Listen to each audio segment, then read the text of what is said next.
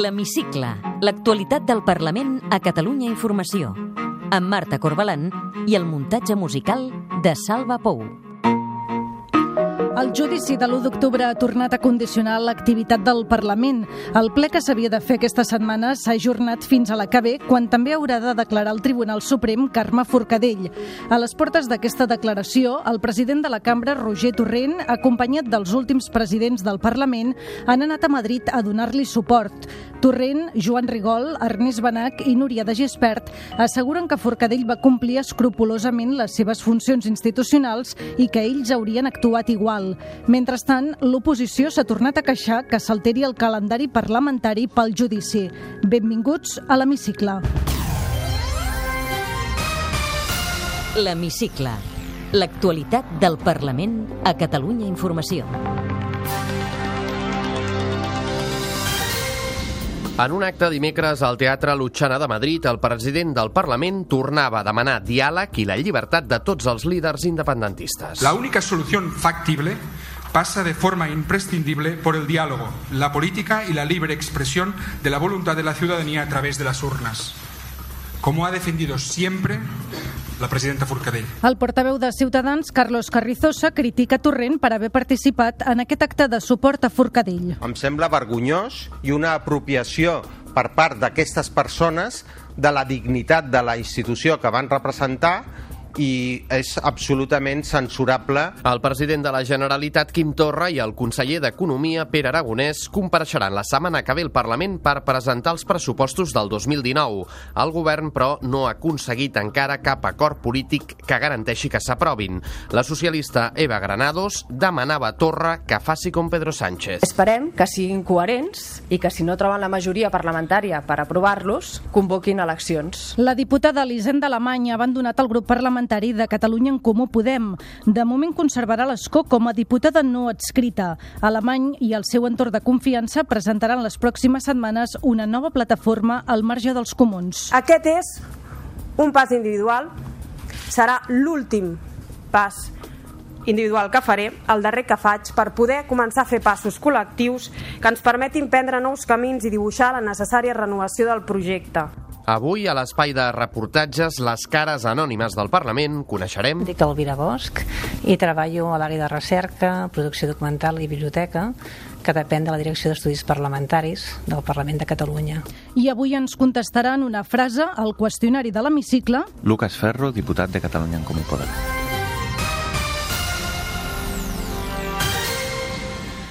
L'expresidenta del Parlament, Carme Forcadell, ha de declarar la setmana que ve davant del Tribunal Suprem i aquesta setmana ha rebut a Madrid el suport de Roger Torrent i dels seus antecessors, Joan Rigol, Ernest Benac i Núria de Gispert. Ho han fet acompanyats de parlamentaris de totes les forces sobiranistes. També hi va assistir l'alcaldessa de Barcelona, Ada Colau. Ens ho explica l'Arnau Maimó. Torrent, Rigol, Benac i de Gispert feien pública una declaració institucional de suport a Forcadell dalt de l'escenari del Teatre Lutxana de Madrid amb una senyera de fons.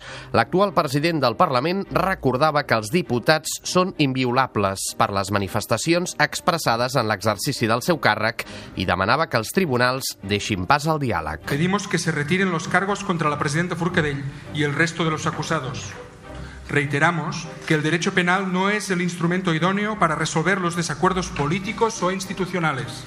E insistimos en que el conflicto entre Cataluña y el Estado requiere una solución democrática que esté refrendada por la ciudadanía. De Gispert considera que el judici qüestiona l'essència del parlamentarisme. Una democracia no puede permitirse prohibir a los diputados y diputadas el libre ejercicio de sus funciones no puede censurar la voz y la voluntad de los representantes electos de la ciudadanía. Rigol creu que jutja l'expresidenta per uns delictes que no ha comès. No ha existido ningún alzamiento violento. No ha tenido lugar ninguna rebelión ni sedición. La acusación que se ha construido sobre un relato que pretende criminalizar el ejercicio legítimo de derechos fundamentales, como el derecho de manifestación, la libertad de expresión y el derecho a la participación política. Benac deixava clar que ells haurien actuat igual que Forcadell. No podemos aceptar semejante injusticia cuando ella actuó en todo momento acorde a lo establecido por el reglamento de la Cámara. Lo hemos dicho repetidamente e insistiremos siempre que sea necesario. Nosotros, en su lugar, habríamos actuado igual que ella. Entre els assistents a l'acte hi havia diversos polítics sobiranistes i exparlamentaris com Anna Simó i Mireia Boia, que seran jutjades pel Tribunal Superior de Justícia de Catalunya. Mentre a Madrid es feia aquest acte de suport a Forcadell, al Parlament els diputats de Ciutadans escenificaven la seva indignació seient els seus escons a l'hemicicle buit. Ho feien en protesta per la suspensió del ple que s'havia de fer aquesta setmana i que s'ha ajornat per la que ve. El president del Parlament ja ha convocat el nou ple, tot i que Torrent està citat dimecres al Suprem per declarar com a testimoni. Els grups de l'oposició temen que el ple s'acabi ajornant un altre cop. Aquesta setmana l'única comissió convocada, la de polítiques de Joventut es va haver de suspendre per l'absència dels diputats independentistes. Aquest cop tampoc no hi van anar els diputats del PP. El president de la comissió, Ignacio Martín Blanco, de Ciutadans, aixecava la sessió. Lamento molt que hagin de patir les conseqüències d'una forma de fer política clarament irresponsable i que no assumeix les seves responsabilitats davant de la ciutadania. I sense més, eh, s'aixeca la sessió. El portaveu de Ciutadans, Carlos Carrizosa, i la portaveu del grup del PSC Units per Avançar, Eva Granados, es queixaven que s'aturi l'activitat del Parlament mentre Torrent se'n va a Madrid a fer actes de suport a l'expresidenta Forcadell. Em sobta moltíssim que presidents de parlaments eh, democràtics s'arroguin la facultat de fer declaracions institucionals en les quals ja és sabut que més de la meitat dels catalans no hi estem d'acord. Estem massa acostumats ja, i no ens agrada, a veure el senyor Torrent fent declaracions com, a, com les fa el senyor Tardà, com les fa el senyor Rufián o com les fa de manera legítima també el senyor Aragonès. El president Quim Torra compareixerà la setmana que ve al ple del Parlament per explicar les línies generals dels pressupostos de la Generalitat per aquest any. Compareixerà a petició pròpia, tot i que ja ho havien demanat Ciutadans, el PSC i Catalunya en Comú Podem. Acompanyat del conseller d'Economia, Pere Aragonès, Torra explicarà els comptes, tot i que el govern no té previst aprovar-los a curt termini perquè no té cap acord tancat amb cap grup. Ara per ara, l'únic soci potencial, els comuns, no avala la proposta de la Conselleria d'Economia Economia i veu com a escenari més possible una nova pròrroga pressupostària.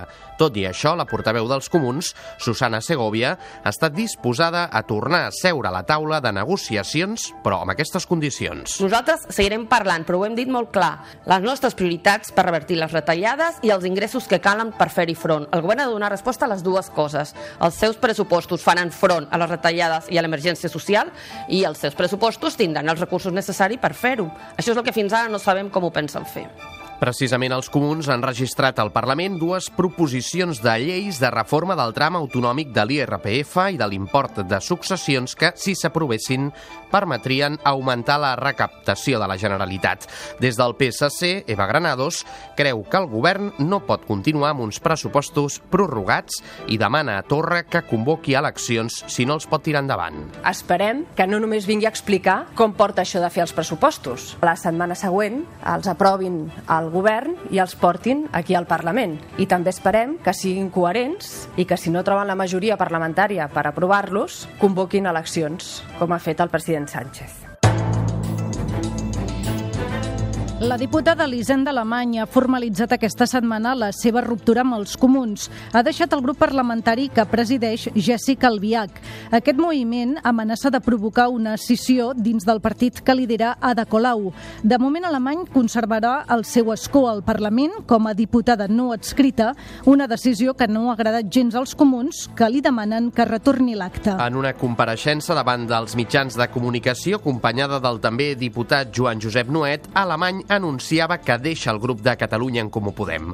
Alemany no va escatimar crítiques contra els comuns. Va parlar de neteja interna i de falta de pluralisme i censurava el canvi de rumb que, segons ella, ha fet el partit en la qüestió nacional allunyant-se de l'independentisme. La diputada explicava que impulsarà una nova formació que defensi els valors fundacionals dels comuns. És urgent dotar-nos d'una nova eina per als comuns. Ni em rendeixo ni em resigno. perquè que estiguem davant d'un partit que fa fallida no ha de voler dir que el projecte mor. Nuet no abandona per ara el grup de Catalunya en Comú Podem, tot i que dona ple suport a alemany. De moment ha obert un procés de reflexió dins del seu partit Esquerra Unida i Alternativa per determinar què fa de cara al futur. Ja fa molt de temps que som parella de fet, vale? I, i políticament parlant això m'enorgulleix. Per tant, ella sap que té la meva confiança i que treballem plegats. Jo no deixo el grup parlamentari. Les cares anònimes del Parlament. El meu nom és Elvira, em dic Elvira Bosch i treballo a l'àrea de recerca, producció documental i biblioteca que depèn de la Direcció d'Estudis Parlamentaris del Parlament de Catalunya. La nostra feina, i parlo en plural perquè això és una feina d'equip, consisteix en proporcionar informació de qualitat i serveis de qualitat als diputats, als grups parlamentaris, als serveis de la cambra, als lletrats i a qualsevol persona que tingui estat d'aquesta informació. Per exemple, un dels productes eh, que fem per defecte sempre són els dossiers legislatius, que són uns dossiers eh, electrònics en què hi ha informació doncs, de, bàsicament d'àmbit jurídic, doncs, normativa europea, normativa d'altres països, com està regulat aquest aspecte a nivell de Catalunya, a nivell doncs, de, de l'estat espanyol, i on també doncs, hi ha un apartat de jurisprudència, de documents d'especial interès, i això es fa cada cop que entra això, un projecte, una proposició de llei. Treballem també doncs, per presidència, quan hi ha alguna Normalment doncs, eh, ens demanen informació quan s'ha de preparar doncs, alguna audiència que ha d'atendre el, el president. I es prepara documentació específica doncs, eh, explicant doncs, dades biogràfiques de la persona que, que s'ha d'atendre, explicant doncs, també dades bàsiques sobre el, el país o sobre la regió, i el que vull destacar és que les consultes que ens fan els diputats i els grups parlamentaris i qualsevol persona doncs, són confidencials. No? Evidentment, nosaltres, la nostra ètica professional doncs, eh, és un tipus d'informació doncs, que no, mai es comparteix. La Biblioteca del Parlament es va inaugurar l'any 1984, quatre anys després de l'obertura del Parlament i aquella època ja no hi era, jo vaig començar el 2001 a treballar aquí però eh, es va haver d'organitzar de zero, es va partir de zero. No es conservava res de, de l'anterior Parlament, de l'època republicana, tot i que sabem que hi havia una biblioteca, però malauradament no es va conservar res del fons. Va ser expoliat i bueno, no, no hem pogut recuperar. El que sí que sabem és que era el bibliotecari, era en Joan Dors, que era un cosí d'Eugeni Dors, i també vam trobar documentació de l'arxiu, que alguns documents sí que s'han pogut recuperar, on hi havia una relació doncs, dels llibres que, que hi havia en aquell moment aquí al Parlament. Quan es va inaugurar la biblioteca l'any 84, és partir de zero, doncs el que es, el que es va fer doncs, eh, va ser elaborar un document de política d'adquisicions no? per definir molt bé quin era el fons que havia tindre aquesta biblioteca. De forma en paral·lela, l'any 84, un diputat, el senyor Fornes, de, de la primera legislatura, va fer donació del, del seu fons, de, del, de, del seu llegat, que nosaltres ho anomenem la donació Fornes, que està format per uns 10.000 documents, format doncs, per cartells de la Guerra Civil, de l'època de la República, per tota una col·lecció també doncs, de, de fullets, de puissols, de maroteca del segle XIX. Actualment tenim uns 54.000 volums, bueno, 50.000 eh, documents. De fet, volums són uns 60.000. La nostra biblioteca és especialitzada eh, en dret públic, eh, en dret parlamentari, en ciències, bueno, ciències jurídiques, tenim també una part d'història de Catalunya i també doncs, algunes matèries doncs, que en aquell moment s'estan legislant al Parlament tot aquest fons que tenim nosaltres doncs, eh, el complementem també amb, amb la cooperació i amb l'intercanvi amb, amb altres centres especialitzats. És bàsica la, la cooperació no? i estem doncs, cooperant amb les biblioteques especialitzades de la Generalitat, de les quals en formem part. Estem també col·laborant amb el CECUC, que és el catàleg col·lectiu de les universitats de Catalunya, on hi ha les principals biblioteques de tot Catalunya, Estem col·laborant també doncs, amb, amb altres projectes doncs, com pot ser Dialnet, on hi ha tot un repositori de sumaris de revistes, també amb Red Parlamenta, que és una xarxa formada per diferents centres de documentació dels parlaments autonòmics.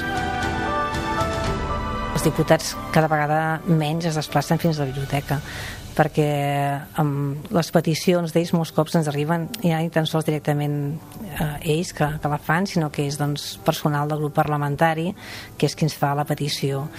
Però com que els documents que demanen o les consultes a les quals responem doncs, eh, es poden respondre de forma electrònica enviant un fitxer eh, la presència és, és, és baixa. Aleshores són o bé investigadors que venen a consultar doncs, aquest fons històric, aquest fons patrimonial, o bé algú que ve a consultar documentació de l'arxiu, o bé també trobem a vegades doncs, alguns exdiputats que els agrada doncs, venir a la biblioteca i mantenir doncs, la relació amb el Parlament en aquest espai públic. No?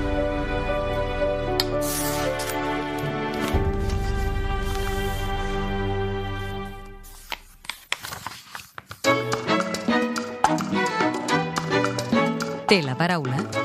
Lucas Ferro, diputat de Catalunya en Comú Podem. Eh, escolti, si li sembla, posem-la directa perquè aquesta setmana l'Hisenda Alemanya ha deixat el grup i, i voldria saber per què creu que ho ha fet. Crec que és una decisió personal.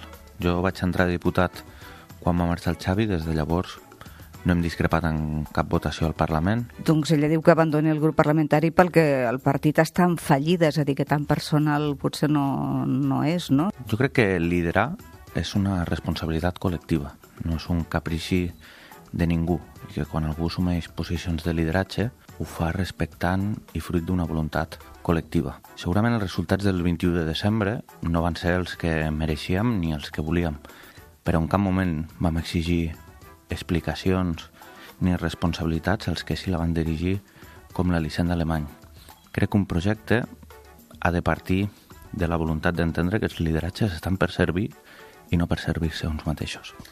De moment diu que ha obert una reflexió sobre si ha de deixar o no l'escó. Eh, Ada Colau ja li ha demanat que ho faci, vostè li demanaria? Crec que per honestitat tots hauríem d'assumir que som diputats perquè som fruit d'una feina col·lectiva i d'una voluntat popular.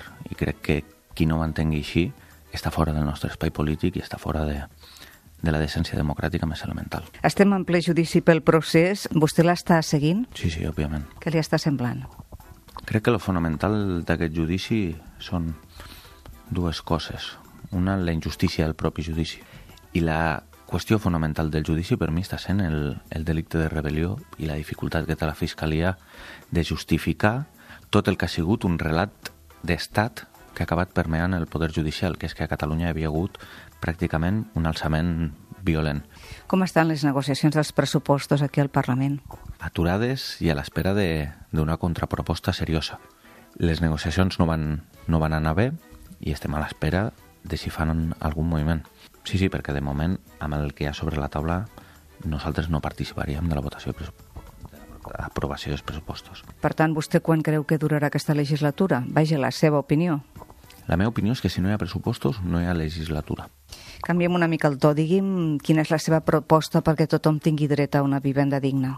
Crec que hem treballat diversos aspectes interessants. El 30% de vivenda assequible en totes les promocions. Hi ha hagut una sentència recent perquè els pisos buits en mans dels bancs siguin d'accés social i jo crec en lo fonamental que hi ha dos espais de treballar. Una és la regulació dels lloguers i l'altre és mobilitzar un parc públic de lloguer. I per fer front a la pobresa energètica? Crec que cal desplegar la llei de pobresa energètica i dir-li a les empreses d'energia privades una cosa molt senzilla. Si no garanteixen l'accés a l'energia, l'energia ha de ser un servei públic. Quina llei li agradaria aprovar vostè abans de que s'acabi aquesta legislatura, sigui quan sigui? M'agradaria poder aprovar una llei que reverteixi les taxes abusives que es van incrementar un 67% a Catalunya i que retorni el finançament públic a les universitats. Vostè utilitza la salut pública? Sí. En exclusiva? Sí, sí. Té pis de lloguer o de propietat? De lloguer. Bueno, visc al pis dels meus avis, que és meitat de ma mare i, de, i del meu tiet, i estic, per tant, en un pis que no és de propietat meva. Amb quin diputat o diputada que no sigui del seu grup dinaria a gust tranquil·lament i faria sobre taula? Potser amb els que més relació he tingut, Maria Sirvent o David Mejía. Digui'm un pecat confessable. Soc un, un gran mirador dels... un gran usuari dels videojocs. Quin és el seu paisatge favorit? La Segarra. I els seus hobbies? La música, sobretot el, el rap, els videojocs i la lectura. El rap, per tant, és la música que a vostè l'identifica? Hi ha algun grup, alguna cançó en particular? Crec que hi ha grups en la meva generació molt bons. Jo em quedaria amb Generació Perdida, de Nato Siguaur. Del que vostè llegeix, recomanaria algun llibre ara mateix? Té algun llibre de capçalera? La gran transformació de, de Polanya. Què és el que fa somriure a vostè inevitablement? Soc una persona molt riallera, eh? Ric molt amb, amb la comèdia, ric molt amb, amb moltes coses. La veritat, sóc una persona que em cal molt poc per, per riure. I a què li té por vostè? A la incertesa. Jo crec que som una generació que sempre li ha tingut por a què passarà el, el dia de demà. Creu en l'amor a primera vista? Sí. Completi'm aquesta frase. El que més m'agradaria del món és... Tenir fills. Gràcies. A tu, moltes gràcies.